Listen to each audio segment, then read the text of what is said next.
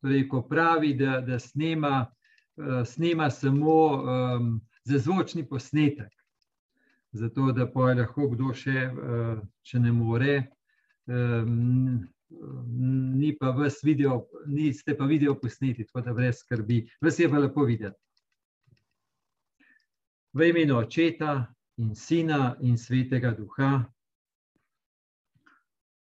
Ko smo spet, Gospod, s Tvojo besedo, želimo in prosimo, da bodo naša srca odprta, krepeneča po tvoji besedi.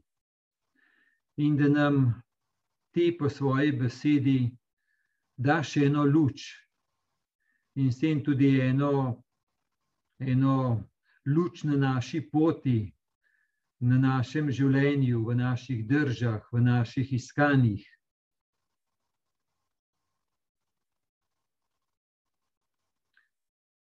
Amen.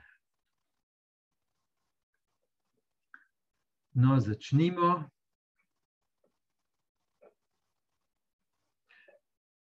Odlomek je iz Markovega evangelija, 13. poglavje od 24 do 32, tako pravi. Tisti čas je Jezus rekel svojim učencem. V tistih dneh, po tisti veliki stiski, bo sonce otemnelo in luna ne bo dajala svoje svetlobe, zvezde bodo padale z neba in nebeške sile se bodo majale. Tedaj bodo videli sina človekovega priti na oblakih z veliko močjo in slavo. In takrat bo poslal angele in zbral svoje izvoljene od štirih vetrov, od konca zemlje do konca neba. Od smokvinega drevesa pa se naučite priliko kadar postane njegova veja že muževna in poganja liste, veste, da je poletje blizu. Tako tudi vi. Ko boste videli, da se to dogaja, vedite, da je blizu, pred urati. Resnično povem vam, ta rod nikakor ne bo prešel, dokler se vse to ne zgodi.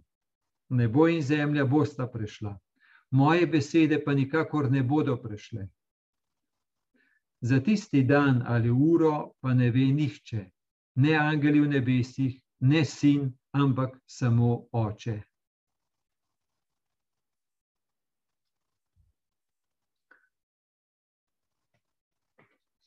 No, odlomek, ki nam ga crkva daje za to nedeljo, ki je pred nami, um, to, je, to je predzadnja nedelja v crkvenem letu potem samo še sledi tista nedelja Kristusa kralja in potem se bo začel advent. Torej, kontekst tega odlomka je, Jezus je uh, definitivno v Jeruzalemu, kjer bo dopolnitev njegovega poslanstva. Torej, vedno znova je dobro, da se spomnimo, kaj bo v Jeruzalemu. Torej, v Jeruzalemu, da Jezus, Božji sin, poslan od očeta, da je človeštvu, človeškosti, očetovo božjo ljubezen, darovansko ljubezen, zato da bi iz tega, da iz tega mi zaživimo povezanost z Bogom, z očetom in tudi povezanost med nami, torej da zaživimo identiteto Božjega sina in ščere in pa da smo med seboj brate in sestre. Je iz 13. poglavja Markovega evangelija, ki je tako imenovani eskatološki govor, Eh, pomen eschaton, pomen govori o poslednjem, o definitivnem, o dokončnem. Ker je tako, ne, nekaj je, kar je v zgodovini sprotno in se dogaja, in delamo to eno, drugo, tretje. Um, Obene je tudi vprašanje, kam pa vse skupaj gre, oziroma kakšen je smisel vsega. No, če gremo zdaj skozi odlomek, tisti čas je Jezus rekel svojim učencem. No, tukaj vidimo, opazimo, kako Jezus včasih govori množicam, včasih pa svojim učencem. In ta beseda, ki jo govori, um, je kar zahtevna. Tako kot da bi rekel, da Jezus ni to vsem govoril, ampak samo svojim učencem, da bi oni lahko, um, da oni pa bodo to nekako. Um, tako lahko to eh, sprejeli ali pa nekako videli. ker pravi tako: v tistih dneh, po tisti veliki stiski, bo sonce otemnelo in luna ne bo dajala svoje svetlobe, zvezde bodo padale z neba in nebeške sile se bodo majale. Je res uh, tak dramatičen opis dogajanja v stvarstvu, um, da sonce ne bo več sijalo, zvezde padale z neba. Torej, nekaj, kar izgleda zelo trdno, zelo gotovo, zelo trajno, to se razodene, da ni takšno, da ni tako trdno, kot je izgledalo. Torej, kar je dajalo en, eno gotovost, dejansko se razodane, da je to samo videz gotovosti, da pa v resnici ni takšno. Da je v sebi lahko mnogo bolj krhko, pa nestabilno, pa negotovo, kot pa je izgledalo. Je, če pogledamo mi začetek tega 13. poglavja, torej ko je začetek eskatološkega Jezusovega govora, tako pravi tam, ko je odhajal iz templja,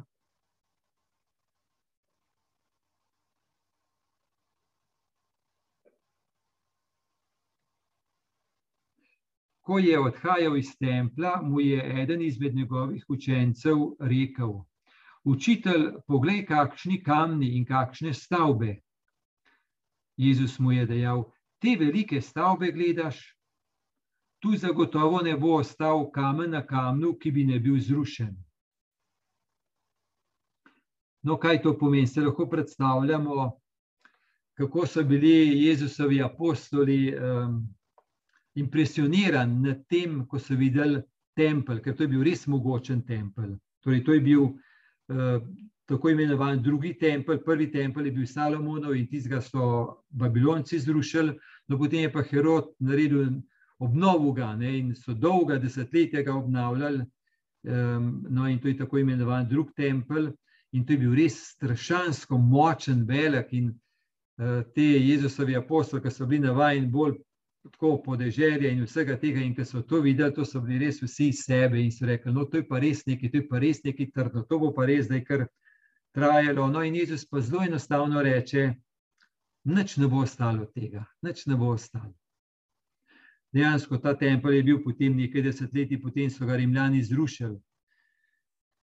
Um, to se pravi, temeljna dinamika je ta, da nekaj, kar izgleda strašansko trdno in močno, da bi človek kar na to se naslonil, temu verjel, da sploh ni tako.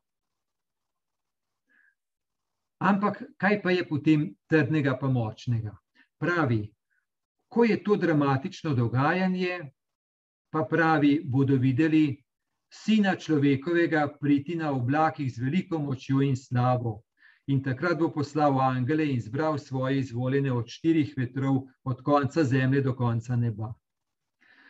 To, to je ta, kar je skatološki govor. Torej, marsikaj, kar zdaj zdaj strašansko trdno in definitivno, je v resnici v sebi um, krhko, da pa edino, kar je zares močno, je pa božja ljubezen, torej, ki jo prinaša sin človekov v to stvarstvo. On pa. Zato torej, eskatološki čas pomeni, kaj bo na koncu. Kaj bo na koncu? Pa ne zdaj preveč gledati v tej horizontali, kaj bo čez vem, 500 let, kaj bo čez 5000 let, kaj bo čez 5 milijonov let, kaj bo čez 5 milijard let. Ni to to. Ne? Zemlja ima 4,5 milijarde let ali 4,7 milijarde let. Da ni vprašanje zdaj to v tem smislu. Um, bolj je ta duhovni pogled, bolj rekel, vertikalen pogled, da to, kar zgleda trdno, da ni tako trdno, da je edino, kar je zares trdno v vsem stvarstvu, je božja ljubezen, ki pa jo torej, sin človekov prinaša v, v našo človeškost. In torej ta dinamika, ravno takrat, ko se nekaj ruši, ravno takrat, ko je torej veliko lahko enega strahu, ene panike, ene negotovosti, enega zapiranja vase, ene krčevitosti, enega obupavanja, ali pa enega bega v eno razuzdanost ali v en nesmisel, v nihilizem. Torej, ravno takrat, ko se to dogaja, ko se nekaj sesuva, ravno takrat, ravno takrat, ravno takrat je kot en prostor, kjer prihaja Bog. To gre skupaj. In zdaj pa mi že čutimo, da je zelo pomembno, kam smo mi naslonjeni in iz česa živimo, kam smo prilepljeni. Če smo mi prilepljeni samo na nekaj, kar mislimo, da imamo, samo na nekaj, kar mislimo, da kontroliramo, samo nekaj, kar mislimo, da je, je pod našo kontrolo in trdno. Torej, če smo na to prilepljeni, bomo izkusili, da se bo sesulo in kaj bo ostalo, če smo mi na to prilepljeni. Kaj bo iz našega življenja ostalo, če smo na to prilepljeni. Če je to edino. Je pa zelo drugače, če smo pa prilepljeni na Kristusa, da živimo z njim, da smo mu odprti.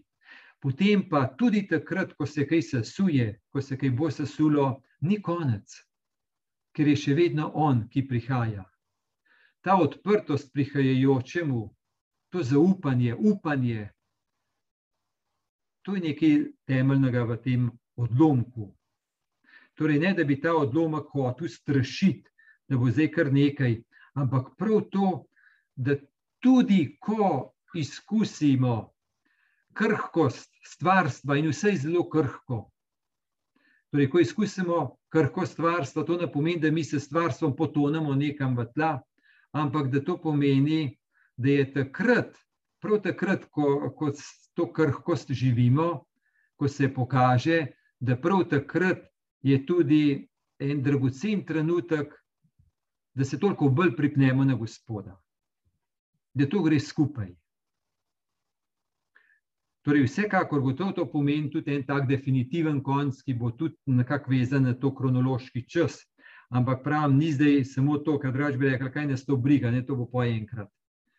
Gre za to, kar se stalno dogaja, ker mi stalno okušamo, kako je vse krhko. Obenem pa, kako Gospod prihaja in kako ima on eno definitivnost, eno dokončnost, en ljubeč pogled, um, en prostor, en smisel, eno vrednost, prav za vse. Pravi, bo prišel z močjo in slavo in bo poslal angele in zbral svoje izvoljene od štirih vetrov, od konca zemlje do konca neba. Prav, zbral svoje izvoljene. Um, zdaj, ko reče, zbral svoje izvoljene, bi, ne, bi mi lahko tako pomislili, je to kaj imamo mi pri tem, če se je kar on nekaj spomnil, pa, pa nekako mimo nas to naredil. Ampak v svetem pismu je ta uh, izkušnja izvoljenosti drugačna, je bolj ta, torej tudi ta, da se Bog odloči, da si svoboden, jasno da, ampak vendarle je pa Bog v svetem pismu tisti, ki daje možnost, kot Jezus, ne, ko razodene Boga, daje možnost, človeku. In izvoljen je pač tisti, ki izbere Boga, ki sprejme to njegovo ponudbo. V tem smislu. Ni nekaj mimo človeka, ampak v tem smislu, ko. Um, ali pa morda, če, če se spomnimo, naprimer, Matej Evangelij ob koncu, on govori o sodbi, pa imamo tiste na levi, pa na desni, in tako naprej. Marko tega nima. Marko ima ta odlomek, ki reče, da bo Jezus bo svoje zbral. Pomeni, tiste bo zbral, ki so njegovi, tisti, ki poznajo njegovo ljubezen, tisti, ki poznajo njegovo ponudbo. Kaj pomeni poznati Božjo ljubezen? Božjo ljubezen poznati pomeni, bodi si, da jo spoznamo prek tega, da smo mi eni grešniki, ki nam Bog odpušča, ali pa Božjo ljubezen poznamo tudi prek tega, da Božja ljubezen skozi nas teče, ko dobro delamo. V vsakem primeru, torej enem ali pa drugem, pomeni, da poznamo Božjo ljubezen, da poznamo Kristusa, da smo njegovi. Torej, to ne gre zdaj za eno vprašanje, koliko smo perfektni. Da bi rekel, no, bom jaz pogledal, kateri ustrezajo, idealu pa dobro, malo popustimo, 90 naprej, bom jih pa sprejel. Ne? Ni to. Ampak poznati Kristusa pomeni poznati ljubezen, poznati, da pripadnost nebeškemu očetu, potrebovati ljubezen, pa gotovo jo živeti, pa deliti ta dar. To pa. Torej, na ta način, da ne bi preveč gledali poplitveno, kaj pomeni, da bo svoje izvoljenje zbral. Torej, pa ti, kar sem prej rekel, ne, kolikor bi mi bili prilepljeni samo na eno to krhko stvarnost, se bomo sesuli s tem. Ampak mi nismo samo ujeti v eno to propadljivo naravo, ampak je v njem nas božje seme, ki lahko zraste um, in se pripnemo na Kristusa in imamo v njem prostor, ne samo za teh nekaj desetletij na tej zemlji, ampak povsem dokončno. Povsem dokončno. Zdaj zapustimo malo ta malo večji, um, večji ta zgodovinski pogled. Gotovo, no, še to morda, da vse, kar je ustvarjenega, je krhkega. Toliko bolj je pa krhko, kar je pa zaznamovano za zlom. To je pa prav gotovo še toliko bolj krhko. Torej, vse, kar je zaznamovano za zlom, zlo samo v sebi um, prinaša smrt. Zlo samo v sebi je močno, ampak se sesuva vase. Ne more preživeti, se sesuje. In um, zlo ima v zgodovini eno moč, gotovo, in da nekaj škode dela, ampak da pa zgodovina gre naprej, pa ne gre zaradi zla naprej, ampak zgodovina gre lahko naprej zaradi ljubezni. Človeška zgodovina gre lahko naprej zaradi ene velike ljubezni, in tudi stvarstvo gre lahko naprej zaradi ene velike božje ljubezni, ki je v stvarstvu. Zlo edino uničuje, čeprav ima moč, to pa. Ampak na koncu zmaga dobro. To je ta eskatološka vizija tega odlomka, da na koncu zmaga dobro. Ne zlo kaže še tako moč, na koncu zmaga dobro. Jezus je to razudel. Torej se je srečal z zlom sveta, se mu je izročil, ga je sprejel na sebe na križu, ampak ga je oče obudil, učitelj ljubezen ga je obudila.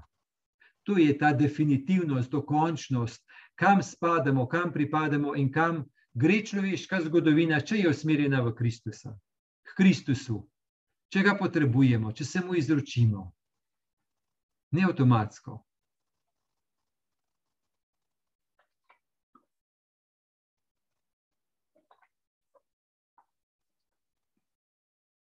No, zdaj gremo malo bolj na ta nivo, malo um, breku, bolj mikro, taka manjša razsežnost, bolj, osebno, bolj osebni vidik, um, kako smo mi narejeni.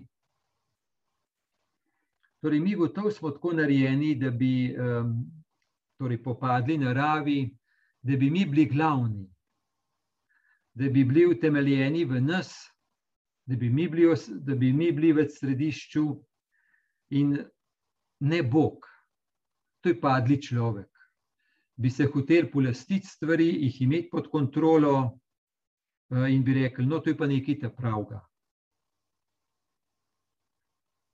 No, ampak izkušamo znova in znova, kako se marsikaj eh, skrha in kako je v našem življenju da, je, da znova pa znova okušamo, da mm, se kaj sesuje, pa se odnosi sesujejo, pa se zdravje sesuje, pa se inštitucije sesujejo, znova in znova smo v tem. In kot je po eni strani to boleče, prestraši, lahko zapre vase, obenem je pa prav to Eh, tudi eno razodevanje, da stvarnost je taka, da je tako. Je težko sprejeti, ampak vendarle pa, torej, ko je ta odlomek, ki govori o tragičnosti, pa dramatičnosti, obenem tudi pove en globje v pogled, kakšna pravzaprav stvarnost pa resničnost je. Da ni tako absolutna, tako močna, tako trdna, kot bi si mi želeli predstavljati ali pa, ali pa verjeli. Ampak da tam v globini najdemo večjo resnico. In ta resnica je pripetost na Boga. in da ga potrebujemo. Zdaj ne vem, če bo najboljši primer, sem premišljal, če bi bil, ampak sem rekel, morda pa bo kaj dal eno luč na, na to. Jaz sem bil prejšnji teden v Rimu, no in potem, ko sem hodil po Rimu, pa se srečeval z ljudmi, z nekaterimi, ki smo tudi bili skupaj, torej predvsej let nazaj, meni se že nekaj let nabral. To se pravi, govorim zdaj o času več kot 25 let nazaj. No, in mi je prišlo tudi veliko spominov, prihaja kar spontano. Ne? No, in enkrat me je prav stresel, um, mi je prišla ta misel, sem tako mi je prišla ta misel, če bi mi kdo takrat, torej pred dobrimi 25 leti, ko sem tam študiral, pred posvečenjem, če bi mi eden takrat povedal mojo resnico, koliko sem jaz krhek, nebogljen in potreben ljubezni, božje ljubezni. Če, mi eden, če bi mi to takrat eden povedal, jaz mislim, bi, ne vem, če bi preživel. To bi kar zbežal nekam. Ne vem, kam bi zbežal, ampak po mojem bi me čisto sul. No, in mi da to veliko misel. Res, ne. Sem rekel, ja, zdaj sem jaz v tem smislu enega gledanja na sebe, to se pravi, da je enega dosti idealističnega. Takrat, imam, če bi zdaj prej nekako, ne vem, se imel za ne vem kaj, sem zdaj bi rekel, ne vem, ena miniatura tizga. Ampak verjamem pa, nikoli ne bi zamenjal. Sem rajš rekel nekaj resnice, pa je to resnica, kot pa nekaj napihnega idealističnega. In uh, to se pravi v tem smislu nekako, nekaj, kar bi jaz želel verjeti, da je trdno, pa močno. In je bilo dosti naslonjeno na mene, moje ideje, moje gledanje, moje načrte, moje ne vem kaj, cel kup mojega, ne? cel kup mojega. Pa še pripravljen sem se bil potruditi, še toliko, ne? To, to tudi. Zdaj gotovo ni več tizga, tizga, ne. Ker to vem, človek, če, če gre za njega, to se pripravljen tudi potruditi, tudi do konca, tudi do lastnega uničenja, če treba. No, ampak to nekako potem počasi, korak za korakom, eh, je nekako, bi rekel, se nekaj sesuva. Pridejo krize, pridejo prečiščevanja, nekaj pada. In vem, da ni avtomatsko, da takrat, ko nekaj pade, da bi potem um, bilo to, da bi vodili v eno novo življenje, v novo ustajenje, v večjo predanost Bogu. Nič ni avtomatsko, prav gotovo ne. Ampak Verjamem pa, da če je v človeku nekaj pripravljenosti, ali pa bi rekel nekaj ja, pripravljenosti za odprtost Bogu, nekaj usmerjenosti Bogu, poj pa Bog že najde kakšno špranjo ali način, ali na en, ali na drug, ali na tretji način, da prav ta božja ljubezen, božje prihajanje, da vstopi. In da pokaže res eno globljo resnico. To se pravi, globlja resnica, večja resnica, ki je ogromno ene krhkosti, ampak je to ljubljena krhkost. In to je nekaj velikega. To je pa res nekaj tako lepo, da bi rekel, no, to pa res ne bi zamenjal za karkoli. To pa res ne bi zamenjal za karkoli. Tako, torej, en primer, ne, kako ima nekaj s tem, no, kaj pomeni eno sesuvanje, eno podiranje, ampak se gre, rekel, ne gre v eni horizontali, še bolj, še bolj, še bolj, še bolj ampak gre za eno to sesuvanje skozi, um, rekel, kronološki čas, skozi kronos, ampak ob tem je pa eno, uh, en kajros, to se pravi, eno milostno dogajanje, eno, rekel, da življenje gre v Boga, da življenje povzi v Boga, da življenje predajano Bogu, odpirano Božji ljubezni, da zajame, um, prepoji. In pa, da si človek to deli. Sej, jaz res verjamem, da ko človek sprejme božjo ljubezen, da je tako nekako mu ne pride na misel, da bi jo zdaj zase držal, oziroma se sploh o tem več ne sprašuje, ampak da gre bolj za, res za eno rast v delitvi in s tem za občestvenost, no, za občestvenost z Bogom, pa, pa med nami. Um, tako, no, to se pravi, človek, ne, če bi se zdaj držal samo teh ustvarjenih stvari, pravima svojih idej in vsega tega, kar hoče imeti pod kontrolo, Um, ker res, res verjamem, zdaj ne vem vašo izkušnjo, ampak meni večkrat tako pride na misel, um, dobro, predvsej iz moje izkušnje, nekak, da bi se bil predvsej pripravljen potruditi, da bi nekako vse dobro teklo, da bi vse bilo dost tako, kot mora biti. Tako, kar za res, ampak toliko mi pa jasno, da je brez veze to, da ni to to, da ni to to, da, da je eno tako božje vabilo tudi v prepuščanje, v izročanje. In to ni le noba, to ni pasivnost, ampak to je odnos z Bogom, ker na koncu je vendarle to, ali sem sam v življenju, ali sem z Bogom. Ali mu kaj prepustim, ali moram vse sam.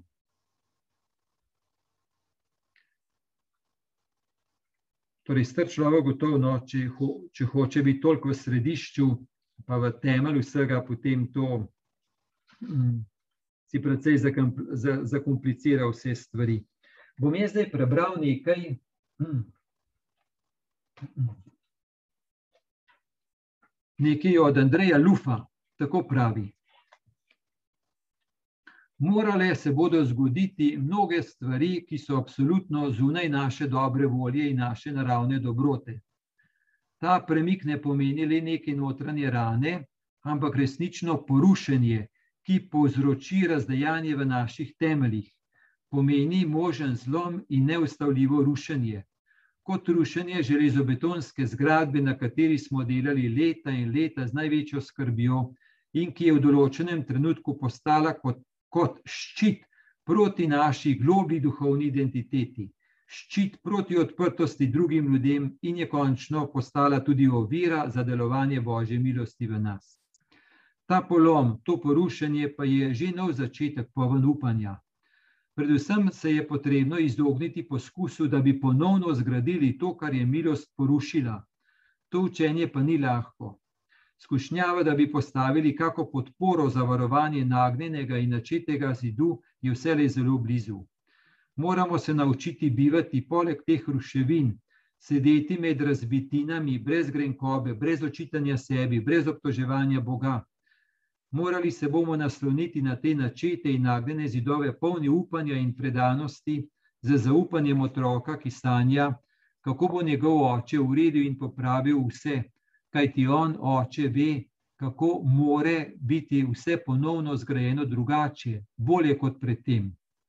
Prav tako, kot govori izkušnja izgubljenega sina. To, torej, Andrej Luf je en tak zelo, zelo tak poglobljen avtor, poznavajoč crkveno, duhovno, krščansko tradicijo, tako da lahko zaupamo, ne, da ni to kar nekaj tako, kar tako, bi mu min grede prišlo. Ampak to je, vse konc koncev, Kristusova pot se o tem govori, dejansko o tem govori. Ampak kam pa vse gre, da ima pa tak prehod, to pa. In mislim, da je to, to je to je izkušnja v naših življenjih, protono, kaj pomeni tudi, um, ko sprejmemo krhkost lasno in bližnjih, ko se ne borimo proti, ampak da to sprejmemo. Kako je to eno novo polje svobode in ljubezni in širine. Če ne pa ogromno moči porabimo to, da bi mi to našo horizontalo zgodovinskost spravili v red. No, to lahko rečemo, zdaj mi brž moramo iti naprej na tole, um, na zadnji odlomek. No, še tu morda, um, gotovo, ko se nekaj sesuva, je pomembno, um, torej nič ne avtomatsko, da to gre v božjo smer, v odprtost Bogu. Ni nič ne avtomatsko. Edino, da se morda v takih trenutkih preizkušnje, ko se nekaj sesuje, se morda bolj radikalizira, eno ali pa drugo, zaprtost ali pa odprtost, ali prosim za pomoč, se pa zaprem. Se malo bolj, oboje ne morem. Ne, ne morem kar po starem iti naprej. Nekaj se mora zgoditi v eno ali pa v drugo. Tako kot je tudi papež Frančišek večkrat reče, reče po krizi, COVID krizi ne bomo isti, ali bo človeštvo boljše, torej bo več solidarnosti, več povezanosti, ali bo pa slabše ne bomo pa več enaki. Ali bomo, torej bomo bolj se zavedali, kako smo drug drugemu potrebni, da noben ni tako samo zadosten, kot je prej mislil. In kako gre v življenje, vendarle za medsebojno pomoč. Da ta individualizem, pa fragmentiranost, sploh ni tako obetavna, kot zgleda. In če se poruši, se tudi zaradi tega, ker nima življenja v sebi. Se to prej poruši, pravi vse, ustvarjeno se poruši, kar je pa za zlom, začeto pa toliko bolj. Individualizem v tem smislu se vidi, da se poruši. Ma človek lahko prav ta COVID situacija gotovo vidi, koliko je posameznik šibek in odvisen od drugih. Če ne drugega, od bolnišnic. Ne? In da ni kar avtomatsko, da so vse bolnišnice, da te čakajo na vratih, pa da imajo pojsto zate.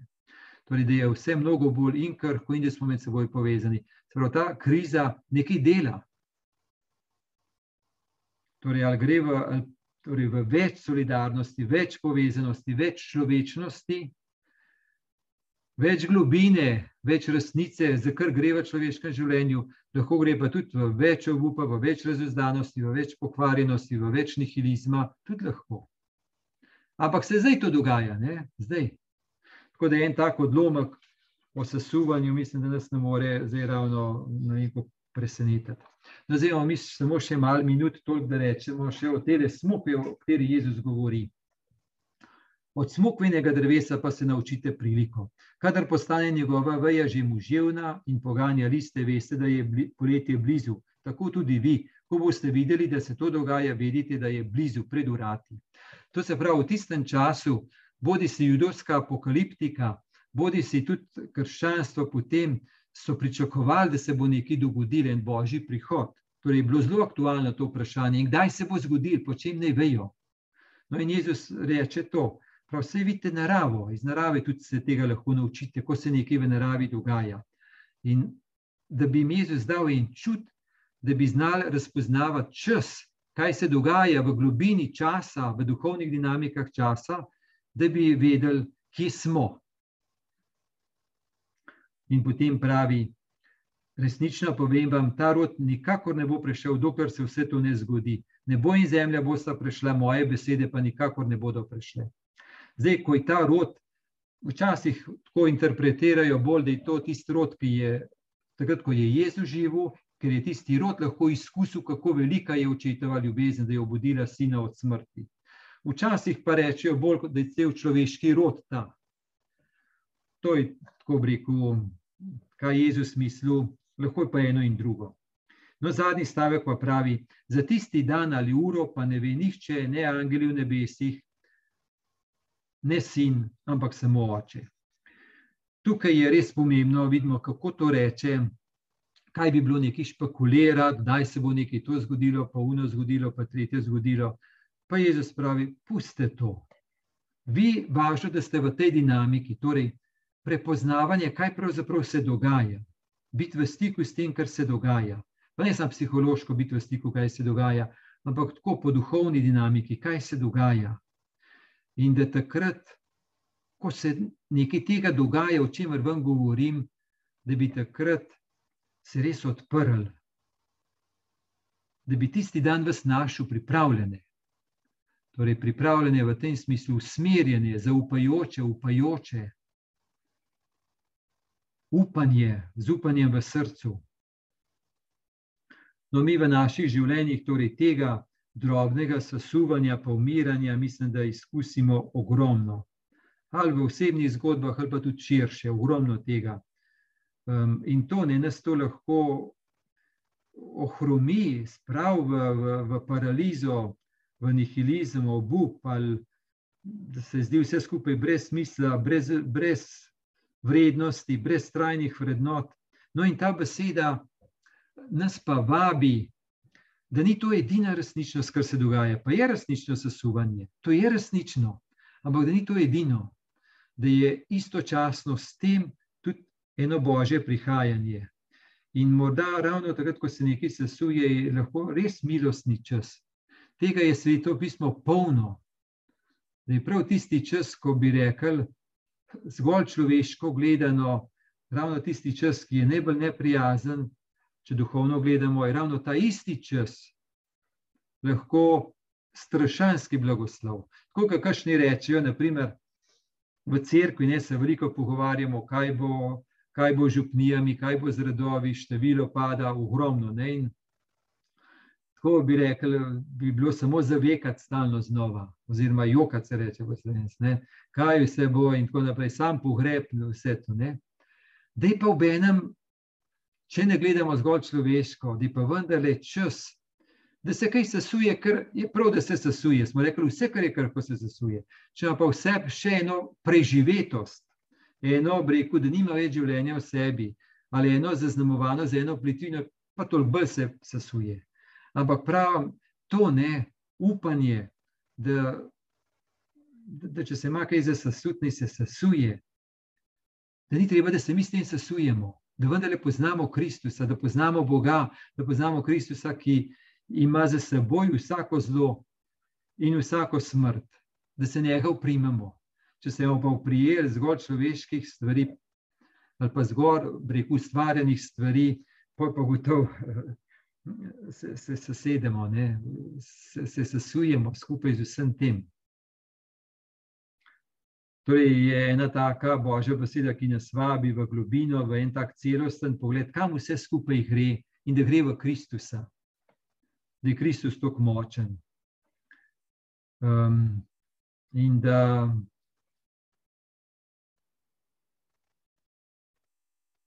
Ja, no, tako skratka, za ta sedajni čas gre za ta sedajni čas gre. Za ta sedajni čas gre.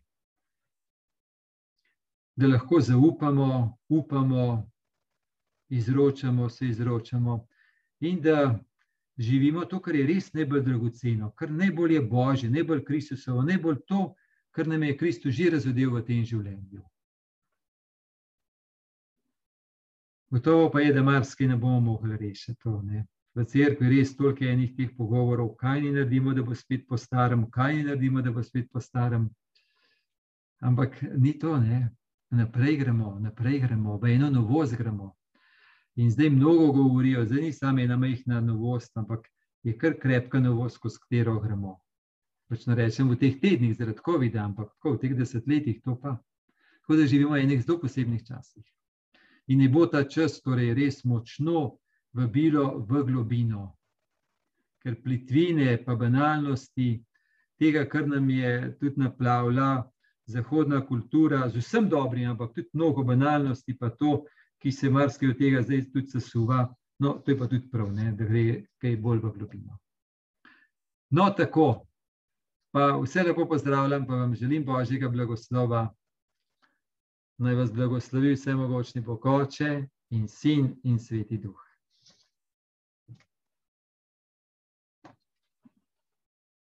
Addio, Mahamo.